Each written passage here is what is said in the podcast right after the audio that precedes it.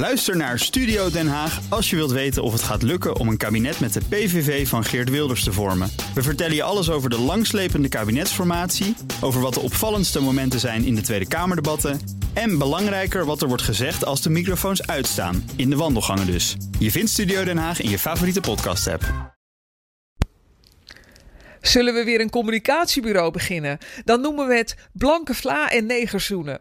Vroeg mijn oud-compagnon Jan laatst. Er mogen alleen bedrijven klant worden die gewoon reclame voor hun product willen maken. In plaats van voor, zoals Jan dat noemt, een met de deugbajonet afgedwongen zoete fake-wereld die als eenheidsworst in zijn velletje wordt geperst door diversity en inclusivity officers.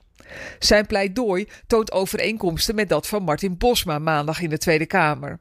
Bosma waarschuwt voor het woke-virus dat de cultuur- en mediawereld in de greep heeft. Een gevaarlijk virus dat ervoor zorgt dat, net als in de Tweede Wereldoorlog, namen van componisten moeten verdwijnen uit het concertgebouw omdat ze niet van de juiste afkomst zijn. De dominante diversiteitsideologie van de linkswappies regeert overal waar met belastinggeld cultuur en media worden gefinancierd, waarschuwt Bosma. Er worden boeken verwijderd uit de bibliotheek en musea raken hun subsidie kwijt als hun collectie of personeelsbestand te wit is. Maar ook uitgevers die op commerciële basis opereren, hebben sensitivity readers in dienst, die kwetsende woorden in manuscripten op moeten sporen. Deze column kan bij zo'n uitgever nooit in een bundel terechtkomen.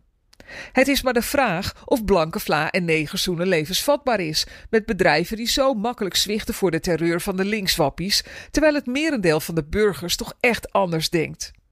Ik ben benieuwd hoe het de nieuwe omroep vergaat die dit weekend van start ging in het Verenigd Koninkrijk. Met tv-formats als Woke Watch, waar doorgeschoten linkse vooringenomenheid wordt blootgelegd, gaan ze op oorlogspad tegen het woke-virus. Doelgroep van de zender, de Somewheres, die wij in Nederland de ongehoorde noemen. Maar de Britse Arnold Karskens houdt met zijn nieuwe omroep niet de hand op bij de belastingbetaler. Er is rond de 70 miljoen euro geïnvesteerd door suikerooms, met het doel over vier jaar uit de verliezen te zijn. Nog voor er één minuut was uitgezonden, riepen de linkswappies al op tot een adverteerdersboycott, zoals wij die in Nederland ook zagen tegen Geen Stijl en Johan Derksen. Maar in het VK waait de wind gunstiger. Daar drukte de minister van Cultuur en Media de musea op het hart om zich niet door de woke warriors te laten intimideren. En schieten conservatieve opiniemagazines als paddenstoelen uit de grond. Laat die blanke vla maar zitten. Ik heb zin in een nieuw mediabedrijf. Ook Thomas van Zeil vind je in de BNR-app. Je kunt live naar mij luisteren in Zaken doen, de BNR-app met breaking news, het laatste zakelijke nieuws en je vindt er alle BNR-podcasts, bijvoorbeeld Het Nieuwe Geld. Download nu de gratis BNR-app en blijf scherp.